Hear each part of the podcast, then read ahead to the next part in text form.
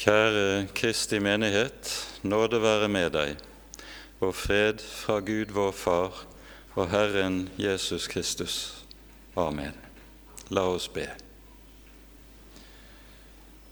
Nå takker og lover vi deg, Herre vår Gud og vår klippe. Takk at du er den rette far for alt som kalles barn.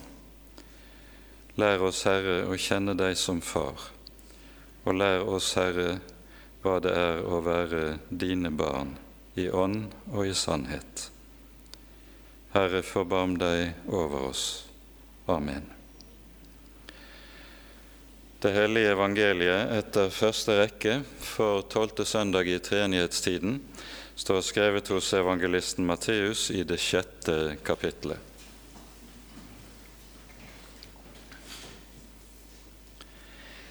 Ingen kan tjene to herrer, for han vil enten hate den ene og elske den andre, eller han vil holde seg til den ene og forakte den andre. Dere kan ikke tjene både Gud og mammon. Derfor sier jeg dere, vær ikke bekymret for deres liv, hva dere skal ete og hva dere skal drikke, heller ikke for legemet hva dere skal kle dere med.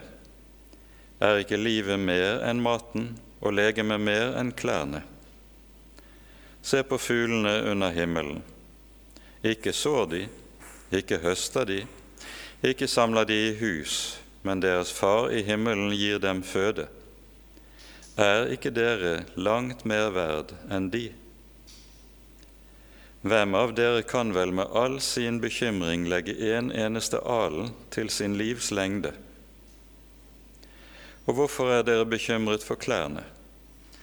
Legg merke til liljene på marken, hvordan de vokser. De strever ikke og spinner ikke. Men jeg sier dere, selv ikke Salomo i all sin prakt var kledd som en av dem.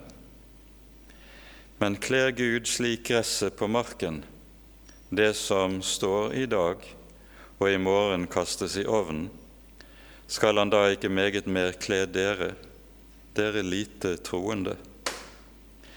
Vær derfor ikke bekymret og si, hva skal vi ete, eller hva skal vi drikke, eller hva skal vi kle oss med? For alt slikt søker hedningene etter. Men deres himmelske Far vet at dere trenger alt dette. Søk da først Guds rike og Hans rettferdighet, så skal dere få alt dette i tillegg. Vær da ikke bekymret for morgendagen, for morgendagen skal bekymre seg for seg selv. Hver dag har nok med sin egen plage. Dette var ordene, Hellige Far. Hellige oss i sannheten. Ditt ord er sannhet. Amen.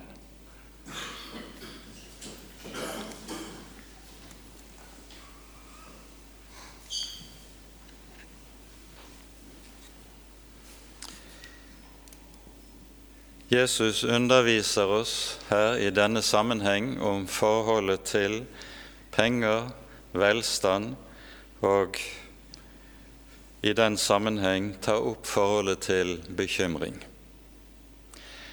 Og Det som vi skal merke oss når det gjelder Jesu undervisning om disse ting, for dette er noe som eh, vi møter i en rekke sammenhenger både i evangeliene og i apostlenes brever, det er at forholdet til penger er et åndelig spørsmål.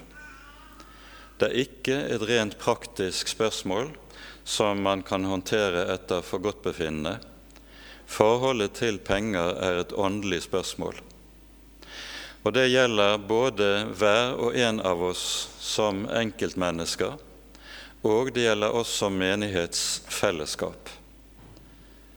Dette er avgjørende å være klar over hvis vi skal tenke rett om disse ting.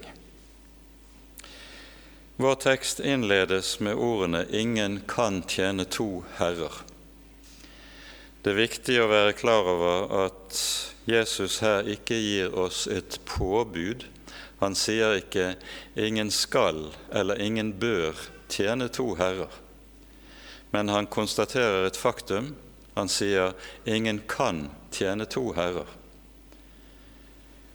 For i dette lærer han oss uttrykkelig at dersom et menneske forsøker å tjene to herrer, så er det alltid et tegn på at Gud ikke er dette menneskets rette herre og har den plass i menneskets liv og hjerte som tilkommer ham. Vi husker vel alle sammen beretningen om Elia på Karmel, der han til folket reiser spørsmålet hvor lenge vil dere halte til begge sider? Er Baal Gud, da tjen ham. Er Herren Gud, da tjen ham. Han taler inn i en situasjon der folket nettopp delte seg i det de tenkte som hedningene tenkte. Der er mange guder, og vi kan dyrke både den ene og den andre og den tredje samtidig. Nettopp dette er noe som er vesensfremmed for Den hellige Skrift, og for den Gud som vi lærer å kjenne gjennom åpenbaringen og gjennom vår Herre Jesus. Du skal ikke ha andre guder foruten meg. Du skal ikke ha andre guder ved siden av meg. Det er første bud. Og Derfor er det slik at forsøket på å ri to hester det er alltid tegn på at Gud ikke har den stilling i et menneskes liv og hjerte som tilkommer ham. Derfor er det også slik at når det første bud utlegges i Skriften, så sies det 'du skal elske Herren din Gud av alt ditt hjerte' av all din sjel og av all din kraft, ikke av et halvt hjerte. Og Derfor møter vi også denne bønn i Salmenes bok, i Salme 86. Gi meg et udelt hjerte til å frykte ditt navn, Herre. Dette er en bønn som bes i erkjennelse av at våre hjerter har en ulidelig trang til å dele seg. Og så bes det om dette ene og grunnleggende gi meg et udelt hjerte til å frykte ditt navn, Herre. Ordene 'ingen kan tjene to herrer', dere kan ikke tjene både Gud og mammon, står som bro mellom de foregående vers, der Jesus underviser om rikdommens fare, der han sier Samle dere ikke skatter på jorden, der møll og rust tærer, og tyver bryter inn og stjeler. Men samle dere skatter i himmelen, der verken møll eller rust tærer, og tyver ikke bryter inn og stjeler. For hvor din skatt er, der vil også ditt hjerte være. Og så kommer ordene 'ingen kan tjene to herrer'. Og så Jesu undervisning om 'vær ikke bekymret'. Og med det så forstår vi at Jesu tale om bekymringens fare henger sammen med noe som er ganske grunnleggende. All bekymring skriver seg dypest sett fra at et menneske prøver å tjene to herrer. Det er jo slik at når Jesus fortsetter, så sier han derfor sier jeg dere, vær ikke bekymret. Ordet 'derfor' knytter seg til det foregående. Ingen kan tjene to herrer. Vær derfor ikke bekymret. All bekymring skriver seg fra dette at mennesket søker å tjene to herrer. Og så er det Jesus taler om at hans Guds små barn trenger ikke å være bekymret. Og Her skal vi være klar over at Jesu ord 'vær derfor ikke bekymret' kan forstås på to måter. Det kan forstås enten som lov, altså som et påbud. Du skal ikke være bekymret. Forstås det da som en lov og som et påbud, så vil det umiddelbart være noe som skaper både forskrekkelse og samvittighetsproblemer hos et stakkars menneske, for vi vet alle hvordan det er med oss. Vi møter det ene og det annet i livet, ikke minst kanskje også på det økonomiske området, som i høy grad kan skape bekymring for oss. Hva med min fremtid? Hva med hvordan skal vi klare det som ligger foran av utfordringer? Men ordene kan også forstås ikke som lov, men som evangelium. Du er Guds barn. Du har en far i himmelen som har lovet å bekymre seg for deg. Derfor skal du slippe å være bekymret. Og det er helt klart at det er dette som er meningen hos Jesus i denne sammenheng. Vær ikke bekymret for maten, for hva dere skal kle dere med.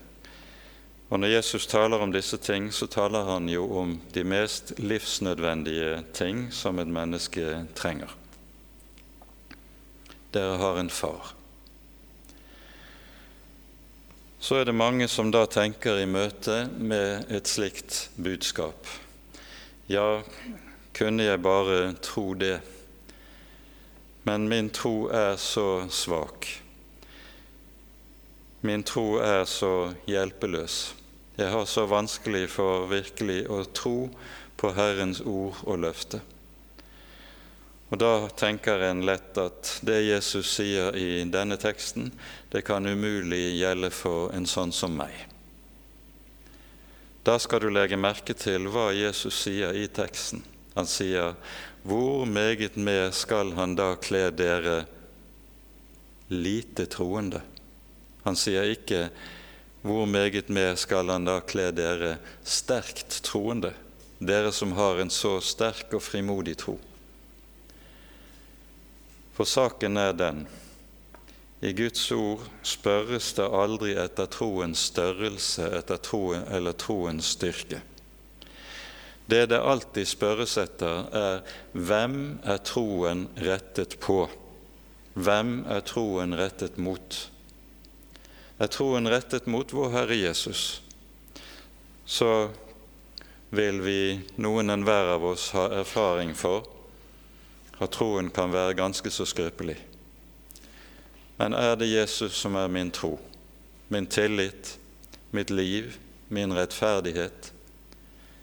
midt oppi all den skrøpelighet som jeg ser og kjenner hos meg selv, da gjelder også Jesu løfte, trass i all skrøpelighet. Det skal du merke deg. Vær ikke bekymret. Så viser Jesus til fuglene under himmelen og liljene på marken. Med dette taler Jesus ikke om at det lønner seg å være doven. Vi har alle hvert vårt arbeid og hver våre plikter som vi skal skjøtte. Luther sier i forbindelse med denne teksten, der han understreker at Jesus aldeles ikke oppfordrer til dovenskap, at det står at fuglene samler ikke i lader, men, sier Luther, Gud kommer ikke og putter maten i nebbet på dem. De må ut og søke etter sin føde. Og slik er det også med deg og meg. Vi har vårt daglige arbeid som skal skjøttes. Vi har våre daglige plikter som skal skjøttes. Og så har Herren lovet at Han vil sørge for oss midt oppi alt dette, selv om det daglige liv og det daglige arbeid kan være meget byrdefullt. Han har lovet å sørge for å ta seg av oss. Det som Jesus lærer oss i denne teksten, det er å peke på dette at Gud er far. Og en far sørger en rett far. Han vil alltid sørge for sine små barn. I dagens samfunn er dette noe som ser ut til å være uhyre vanskelig å regne med. Vi hørte lest fra, fra Nehemias bok, der det ble minnet om Israels ørkenvandring. Her var det slik at Herren sørget for folket, ledet dem dag og natt ved skystøtten og ildstøtten, ga dem manna å ete daglig så de aldri hungret, aldri led mangel. De folket oppholdt seg 40 år i en ørken der det ikke var forutsetning for liv. Men Herren holdt dem oppe og bar dem. Og så er dette et forbilde på hvorledes Herren vil ta seg av sine. Han er far for sitt folk, far for sine små. Men i vårt velferdssamfunn er det vanskelig å ha dette for øye som en grunnleggende del av vår tro. Fordi det jo er blitt slik at statsmakten med sine økonomiske evner og sin styre, styrelse har overtatt ansvaret for vårt velvære og vårt velbefinnende. Ingen behøver å sulte i vårt velferdssamfunn. Ingen skal behøve å mangle tak over hodet i vårt velferdssamfunn. Staten sørger for oss, noe som gjør at det lett kommer til å bli slik at mennesker tenker det som har med troen å gjøre, det har kun med rent åndelige ting å gjøre og berører ikke vårt daglige liv, vårt faktiske liv her i verden. Olav Valen Senstad har i den sammenheng laget en omdiktning av dagens hovedsalme, som eh, antagelig er ganske så treffende for det som er vanlig tankegang blant dagens mennesker. Vi sang 'Sørg, o kjære Fader du, jeg vil ikke sørge'. I Valen Senstad sin omdiktning lyder det Sørg, o kjære stat, for meg, jeg vil ikke sørge, ikke med bekymret hu om min fremtid spørge. Sørg du for, sørg du for meg all min tid, sørg for meg og mine. Stat allmektig nådig bli, sørg for alle dine. I tråd med dette så kan vi høre det sies vi tror på Gud, men er ikke avhengig av ham. Statsmakten gjør Gud og troen på Gud som far unødvendig. Dette er en side ved Bibelens budskap som vi i høy grad bør være oppmerksom på, samtidig som vi også skal vite at avhengighet av mennesker og menneskelig makt gjør oss ufrie. Avhengigheten av Herren gir frihet. Når Jesus advarer mot mammon som en åndelig fare, så gjør han det fordi mammon, pengene, gullet, har en særlig åndelig tiltrekningskraft på oss mennesker. Det er særlig tre områder der mammon vil ha makten i våre liv, og sier 'stol på meg'. For det første er det slik at mammon gir mennesker stor grad av frihet. Den som har mye mammon, han kan gjøre det han vil. Han kan reise hva han vil, kjøpe hva han vil. Mye av mammon er noe som så å si er en kraftig gjødning for det menneskelige ego. Og Derfor er mammon en farlig makt. Mammon gir meg frihet til å gjøre hva jeg har lyst til. For det andre mammon gir trygghet.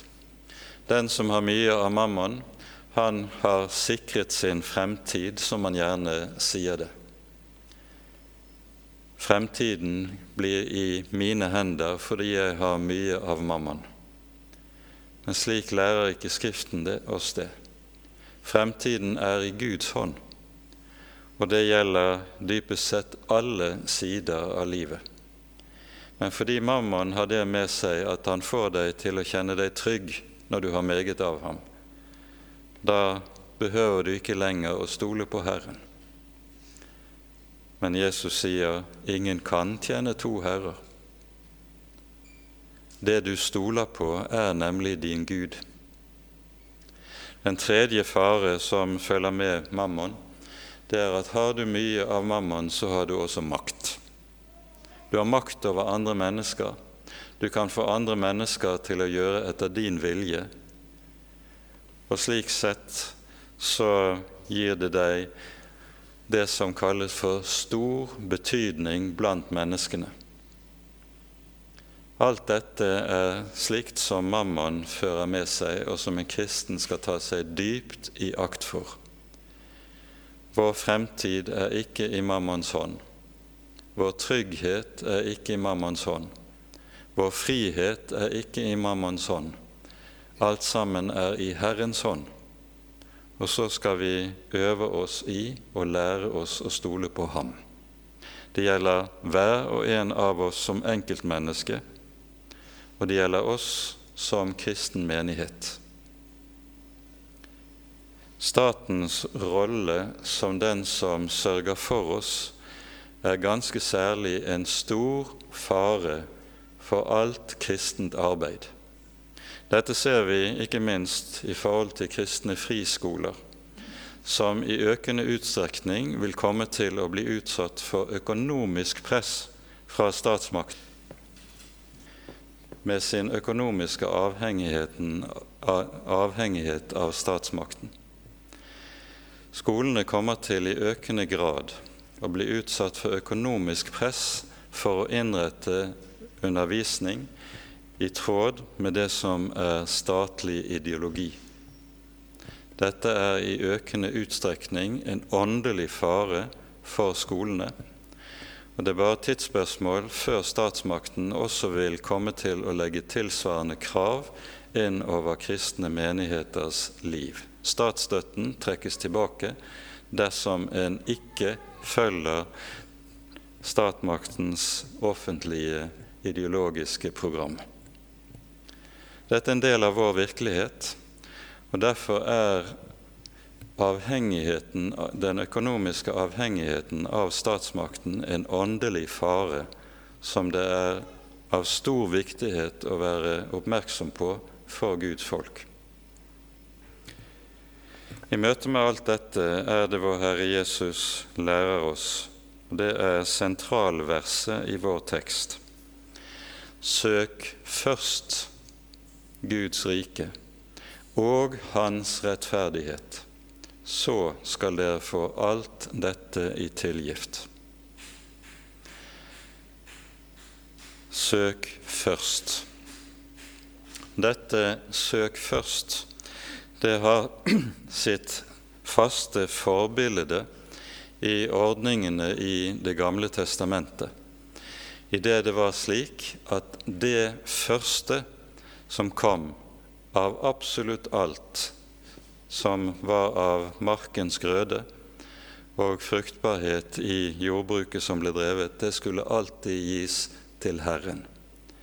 Førstegrøden, den førstefødte, hørte Herren til. Og I dette ligger det en undervisning som Jesus sam, altså samler i ordene.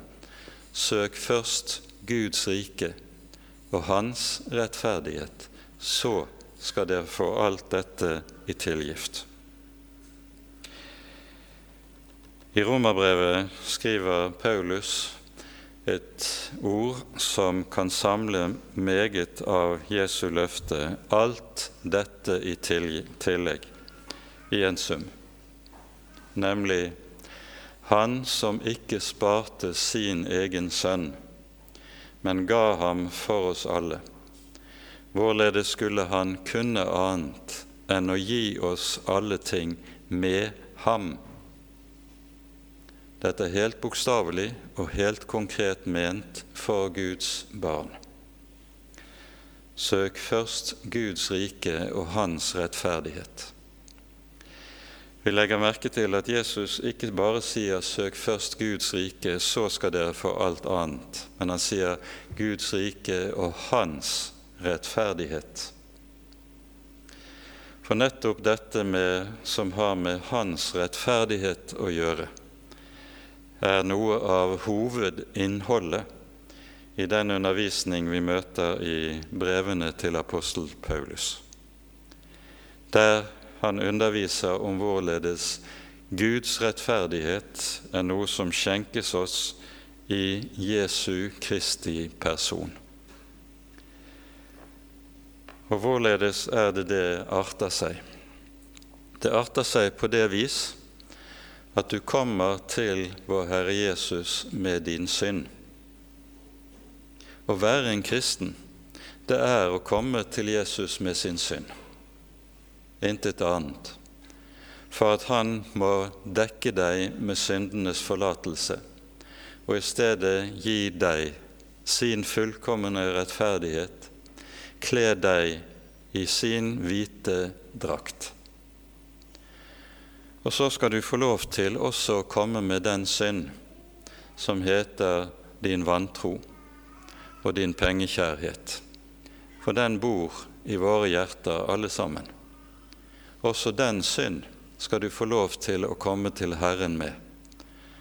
Og så har Han lovet, jeg renser deg fra alle dine misgjerninger. Så langt som øst er fra vest, skal dine overtredelser være langt borte fra deg. Og slik er det at Herren skjenker deg sin rettferdighet med syndenes forlatelse. Og så skal du få lov til å hvile i at Han har omsorg for deg i stort og i smått i livet. Det betyr ikke at livet blir, blir holdt på å si bekymringsløst, eller vi skulle heller si problemfritt. Det er riktigere. For han har ikke lovet å spare oss for vansker, motgang, nød og problemer. Korset hører med til det kristne liv her i verden. Men med korset, med nøden, med det som veier tungt på våre skuldre, skal vi midt i alt få lov til å være hos Ham, hvile hos Ham under løftet, som apostelen Peter gir oss i sitt første brev. Vær ikke bekymret, for Han har omsorg for dere. Ja, han er en far som vet å dra omsorg for sine barn. Han gjør det for Jesus skyld, ikke på grunn av din store tro. Han gjør det på grunn av sin kjære sønn. Han som ikke sparte sin egen sønn, men ga ham for oss alle, hvorledes skulle han kunne annet enn å gi oss alle ting med ham? Da er du trygg. Amen. Ære være Faderen og Sønnen og Den hellige ånd, som var og er og være skal, en sann Gud, høylovet i evighet. Amen.